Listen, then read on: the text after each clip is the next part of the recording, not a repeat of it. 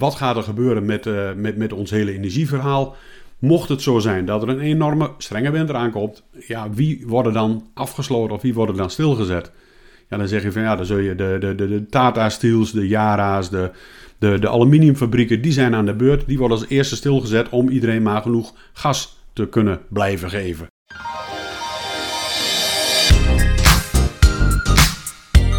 Ja, daar zit hij weer. Theo Koerts, melkveespecialist bij Yara, terug van vakantie. Klaar voor zijn, uh, uh, als ik het zie, niet voor zijn outfit, voor zijn uh, privé-oefeningen vanavond. Hoe was je vakantie, Theo? Ja, die was echt goed. Ja, dit is echt weer ouderwets, laten we het zo zeggen. We zijn even naar de Costa Brava geweest, hebben lekker aan het strand wat rondgehuppeld. Maar als je dan met mensen praat, ah, die, die zeggen, ja, lekker gezwommen, lekker dit gedaan, naar het stadje geweest. En dan zeg ik van, heb je ook door de rijstvelden gefietst? Rijstvelden? Ja, die liggen direct achter de camping. Ik ben dan meer wat agrarisch gericht, dus ik vind dat fantastisch om te zien. En je ziet daar uh, wat daar verbouwd wordt en wat daar gedaan wordt. En zelfs de tweede week in Andorra, dan zie je de tabaksplanten staan. Nou ja, ik weet hoe ze eruit zien. Ik moest nog even vragen, daar, is, het, is dit tabak? Ja, dit is tabak. Dus ja, dat is op 1500 meter zie je dat uh, die veldjes. En in het verleden schijnt Andorra bijna helemaal op tabak gedraaid te hebben. En het is ook nog een walhalla voor inkoop van uh, sigaretten en drank. Dus het is uh, echt een, een, belasting... De hut komt vol terug naar Nederland, ik hoor het alweer. Belastingparadijsje. Ja, en geld wil verdienen en handel in handel zitten, is dit een hele leuke. Ja, je kunt er wel... Uh, maar er is nog wel een redelijke controle. Er rijden nogal wat douane jongetjes rond. Dus hou ze een beetje in de gaten. Nee, maar vakantie prima. Lekker. Gewoon weer... en nu weer lekker aan de slag. Maar dus de rijstvelden gezien, tabak gezien, grasland daar. Wat was de status daar of viel dat er vies tegen? Mm, grasland, ja, ik heb het wel gezien. Uh, vooral in Andorra zag je toch wel uh, voor de winter voor, voor de beesten. Maar het is, het, is bijna net als, ja, hoe moet je het zeggen? Als je Oostenrijk binnenrijdt en je hebt alleen het stadje en alleen het skigedeelte. Er zijn wat veldjes waar wat gras zit en daar lopen wat van die verdwaalde vleeskoeien. Maar voor de rest, ik heb volgens mij geen enkele melkkoe gezien in, in Andorra. Nee. En in, uh, in Spanje was het, uh, nee, ook weinig gras. Hier en daar een klein beetje, ook voor het, voor het vleesvee. En het was meer varkens en heel veel appels. Echt heel veel appels. Echt heel leuk om te zien, maar nee, koeien niet, helaas. Nee, we moeten dus voor de huidige stand van zaken in het gras toch echt in Noordwest-Europa zijn. Hoe staat het er hierbij? Heb je inmiddels al weer wat tripjes kunnen maken als je terug bent? ja, toch alweer wat rondgekeken. Nou ja, in ieder geval ook en heel veel boeren gesproken ook weer telefonisch en ook toch alweer wat rondgereden. Ja, we hebben van het zomer, uh, nou, net als iedereen weet, uh, behoorlijk droog gehad. herstel is behoorlijk, er komt gras. Nachttemperatuur is wel wat aan de koude kant. warmte missen we daar wel iets op, maar je ziet het wel. heel makkelijk kan ik het hier zien. Ik kijk in mijn tuin en dan zie ik mijn gezonnetje. En ik ben nu een dikke week thuis. Ik heb het gisteravond voor de Eigenlijk voor de derde keer moest ik het al maaien, maar ik heb het gisteravond voor de tweede keer gemaaid. Het bulkt de grond uit. Dus de tweede meimaand is aangebroken. Dus voor die mensen die uh, kansen hebben en mogelijkheden hebben en die uh, nog wat nawerking van de zomer zien. Ja, tuurlijk, je kunt een heel mooi eiwitrijk product kun je winnen. En uh, er komt ook nog wel wat. En ik kan niet voorspellen wat het weer gaat worden. Kijk, gaat in één keer naar het oosten draaien, dan krijg je die lage temperaturen en dan gaat de grasgroei, die stopt ook.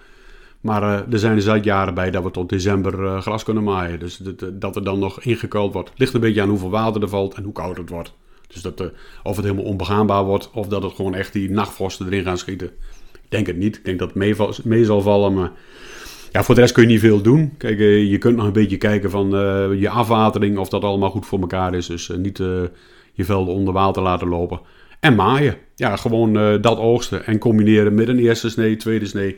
Maar dan kun je met je je dat heel prima doen. Dus dat, dat is eigenlijk de huidige stand van zaken. Helder. Nou hebben wij het voor de zomer best wel vaak gehad over de RFQ. Een moeilijk woord voor het aanvragen van een offerte. Um, je hebt er een aantal gehad. Laten we eerst even terugblikken. Hoe zijn die, hoe zijn die verlopen? Nou, een beetje, een beetje wisselend eerst. Uh, eerst dachten we van nou, dat gaat niet zo hard. De tweede RFQ ging verschrikkelijk hard. En de derde RFQ was ook behoorlijk, uh, behoorlijk veel aanmeldingen. Toch heel veel mensen die toch ermee bezig zijn ja, wat we met die RFQ's toch willen bereiken, is dat men erover na gaat denken. En we hebben, ja, we praten er al jaren over, maar we hebben dit weer zo'n jaar van hoe staat het met de beschikbaarheid? Want als er nu weer een RFQ langskomt, denk er toch nog eens een keer over na. Heb je in de zomer gekocht, dan heb je het meestal het beste gescoord. Dat hebben we nu de afgelopen twee jaar gezien. Uh, vroeg kopen, die hebben wel de beste prijs te pakken. Maar ja, in ons advies zeggen we van nou, spreid het. Uh, doe in twee, drie keer inkopen. Maar die in de zomer gekocht hebben, die hebben het over het algemeen niet verkeerd gedaan. Maar wat nu het, het, hele verhaal is, we zitten met een probleem. We hebben hele hoge gasprijzen, de productie is afgeschaald. Uh, Sluiskil draait nog maar op 35% van de capaciteit. Uh, we zien in het oosten, ja, je moet niet te veel over Rusland praten, maar de, de, Oekraïne, Rusland, uh, die draait de kraan dicht. Uh, Poetin is daarmee bezig. Ja, dat geeft toch wel behoorlijk druk. Prijzen zijn weer wat gezakt van het gas, maar kijk eens terug, ze zitten nog op een tienvoud van waar we ooit eens op zaten. Dus we moeten toch rekenen houden met hoge prijzen. Ja, hoge prijzen, maar, maar, je gaf net aan, joh, er gaat een, misschien een probleem ontstaan. En dan chargeer ik het even uh, met betrekking tot beschikbaarheid. En jullie draaien nu dus op 35 procent. Ja. Ik kan me ten eerste al niet voorstellen dat het winstgevend is voor jaren. Ten tweede kan er ook een kans zijn dat die fabriek gewoon dicht gaat. Nou er zitten een aantal mensen zitten achter de knoppen, die zitten te draaien. En dat is bij Yara is dat, maar dat is uh, waarschijnlijk ook bij de overheid gaat dat gaat gebeuren. Maar het eerste bij Yara, wij bij Yara kijken gewoon, die kijkt gewoon waar is het rendabel om kunstmest te produceren is dat in Sluiskil, bam, volle bak. Nu met deze prijzen, elke dag kijken ze. Uh, er stond al een spannend verhaal in, uh, in Duitse magazine dat Teteren al stil zou liggen. Nou, dat hebben we dus direct moeten ontkrachten, want dat is niet zo. Die ligt net zo als Sluiskil, ligt die ook op een laag percentage. Dus die draait nog wel door, maar ligt nog niet stil. In Frankrijk is er geloof ik wel eentje helemaal gestopt. Dus de beschikbaarheid, uh, de, de aanvoer is er niet. Als boeren nu op dit moment niet kopen, kopen de handelaren niet, loopt onze schuur langzaam vol. Op een gegeven moment zit die vol. Dan zeg je van er is product. Ja, er is product. Maar dan moet er wel een stroming komen. Als er geen stroming komt, dan komt er een schip en dan hebben we een andere stroming en dan vaart hij de zee over. En dan gaat hij ergens anders naartoe. We kunnen eigenlijk niet lager als die 35%. Dan zeggen nou ga je dan nog lager zitten. Nee, als we daaronder gaan zitten, uh, stokt het hele proces stokt. En om dat weer op te starten, kan dat weken tot maanden duren om weer de goede kwaliteit waar we aan gewend zijn, om die te produceren. Dus dat durven we niet. Dus het kan heel rigoureus zijn, maar dan gaat het ook echt lang duren voordat die weer opstart. Dat is de ene die aan de knoppen zit. De volgende die aan de knoppen zit, en dat hebben we gisteren met Prinsjesdag, of uh, eergisteren alweer met Prinsjesdag wel gehoord. Uh, wat gaat er gebeuren met, uh, met, met ons hele energieverhaal? Mocht het zo zijn dat er een enorme strenge winter aankomt, ja, wie worden dan afgesloten of wie worden dan stilgezet? Ja, dan zeg je van ja, dan zul je de, de, de, de Tata Steels, de Yara's, de, de, de aluminiumfabrieken, die zijn aan de beurt. Die worden als eerste stilgezet om iedereen maar genoeg gas te kunnen blijven geven. Dus dat is ook nog een optie dat het gaat gebeuren. Ik zeg niet dat het gebeurt, maar dat is wel een stap die eh, gemaakt kan worden. Ik zeg niet dat het verstandig is, want we moeten ook eten. Uh, ja, dat, op andere plaatsen, ja. Het, het, zijn, het zijn dus wel factoren om rekening mee te houden. Je naar aangegeven van, joh, stel aan voor, hè, er komt weer zo'n RFQ aan. Um, wees verstandig er in ieder geval misschien wel iets in te slaan. Dat je niet voor verrassingen kan komen te staan komende winter. Als we een hele strenge winter krijgen en uh, we zijn aan de beurt. En daarbij is ook nog een, eh, er is een een of andere hele grote bestelling vanuit uh, India gekomen voor 2 miljoen ton kunstmest. Dus dat gaat Tuurlijk, die trekt ook aan de markt en dat, die blijven ook trekken. Andere landen die normaal geen of weinig kunstmest gebruikten, die doen het nu wel vanwege de hoge tarweprijzen. Die tarweprijzen zijn goed en die gaan nu bemesten. Die deden dat anders niet, maar nu uh, hebben ze daar wel eh, behoefte aan om kunstmest te hebben. En die bestellen dus en dat trekt ook aan de markt. Dus een, een, een moeilijke zaak. Ja, over die markt kunnen we, kunnen we denk ik nog uren spreken. We hebben eigenlijk maar een paar minuten. Uh, dus waar ik even op door wil, hebben, door wil gaan, uh, zijn dan de big bags. Want als je dan bestelt, zeg je altijd, bestel het in big bags, want dat is beter. Waarom? Absoluut. Absoluut, nou ja. En dat hoor ik nu ook terug van boeren die eigenlijk altijd in de, in de silo ook hebben gehad. En die nu ook een RFQ-aanvraag aan, doen. Die vragen dat in big bags aan. Die zeggen van ja, eigenlijk had ik altijd los, maar big bags ik zit iedere keer in het voorjaar zit ik mee dat die silo vast zit. Dat die vol zit en dat ik hem niet leeg kan krijgen. Het is altijd even een klusje. Nou, er zijn een heel aantal goede redenen om dat nog meer te doen. Dat is er onder andere één. Je kunt die silo dus ook ergens anders voor gebruiken. Nou, dat is voor heel veel mensen toch ook een hele goede zaak. Ze laten een keer grasbrok maken, zometeen van dat gras wat er eh, afgevoerd wordt. Of ze moeten uh, een of andere bepaalde grondstof bijvoeren, die kan in die kunstmesilo. Dus dan is die al in gebruik. En dan heb je je Big Bag in de schuur staan. Nou, kwaliteit hebben we het heel vaak over gehad. Super korrel, vooral als hij op de productielocatie gevuld is. Super kwaliteit. Wat ook een hele mooie is, is voorraadbeheer. Je staat bij je witte silootje te kijken. Je kijkt naar boven en je denkt van... Ik denk dat er nog wel 2 ton in zit. En je wilt je hele veld weer strooien. Dan denk je van, nou, ik kan net uit. Laat dat ding nou na anderhalve ton al de geest geven. Dan is hij leeg. Als je die big bags in de schuur hebt staan, dan kun je tellen. 1, 2, 3, 4, 5 keer 6. 100 kilogram. Weet je exact je voorraad. Je voorraadbeheer is gewoon een stuk beter. Dan traceerbaarheid. Er is zelfs zo nu dat er schijnt een, een chip in te zitten dat het ook nog later terug te traceren is, maar ook streepjescodes. Dat je precies weet waar komt het product vandaan, waar is het geproduceerd. En voor het instellen van je kunstbestrooier is dat een fantastisch iets. Dat is echt super. Nou, en ik, uh, van de week zag ik nog weer het uh, prachtige verhaal van meneer Lossi. Die heeft ooit eens een keer ons daarop gewezen. Van jongens, Big Bags is super. En dan zie je weer zo'n strooien langskomen met een enorme berg stof erachter. Ja, je wilt graag voor jezelf bemesten en niet voor je buurman. Dus dat is gewoon een, een, een, Big Bags heeft heel veel voordelen. Nadelen zijn er ook natuurlijk. Ja, wat ik wil net zeggen, zo'n Big Bag, dat is, lijkt me niet bepaald duurzaam. Je kan beter een vrachtwagen in één keer vullen, hup, bijvoorbeeld kunstmest en afleveren, dan al die zakken hebben. Klopt, daar zit, daar zit wel iets in. Uh, ik denk qua, qua traceerbaarheid en of qua uh, duurzaamheid heb je direct een, een, een, een goed punt.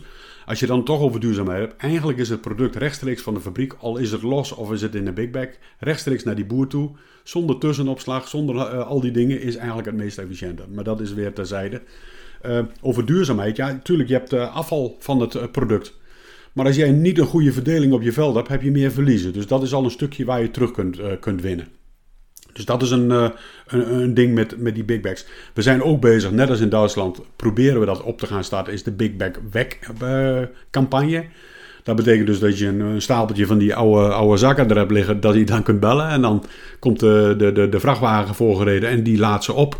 Dus bij 10 of 15. Natuurlijk wel, moeten er wel jaren op staan, want anders we gaan niet van iedereen de, de rommel opruimen. Maar daar wordt ook aan gewerkt om dat te, te doen. Natuurlijk, en er zitten wat meer puntjes aan als je nadelen kijkt. Uh, je moet eigenlijk altijd een, een, een verrijker of een tweede trekker erbij hebben om je kunstbestrooien te vullen. Dus dat is een extra ding. Maar heel veel mensen hebben dat speelgoed al bij, of ik zeg wel speelgoed voor de gein, die verrijkers en die, die heftrucjes en alles. Waar toch heel veel, uh, nou ja, beter met bloeddruk dan met, met oliedruk. Uh, beter met oliedruk dan met bloeddruk, bedoel ik te zeggen.